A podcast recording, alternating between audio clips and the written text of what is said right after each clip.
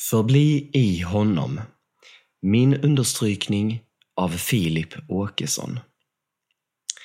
Det är lätt hänt att världsliga ting som skola, aktiviteter och annat tar över våra liv så att Gud blir bortprioriterad.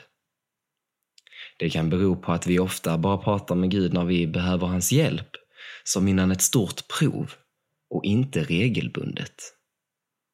Men vi klarar oss inte i vardagen på rätt sätt utan Gud. Det räcker inte med att Gud älskar oss. Vi behöver älska honom tillbaka och ge honom tid. Jesus berättar att vi kommer att bära rik frukt om vi förblir i honom. Jesus väntar varenda sekund på att komma nära oss.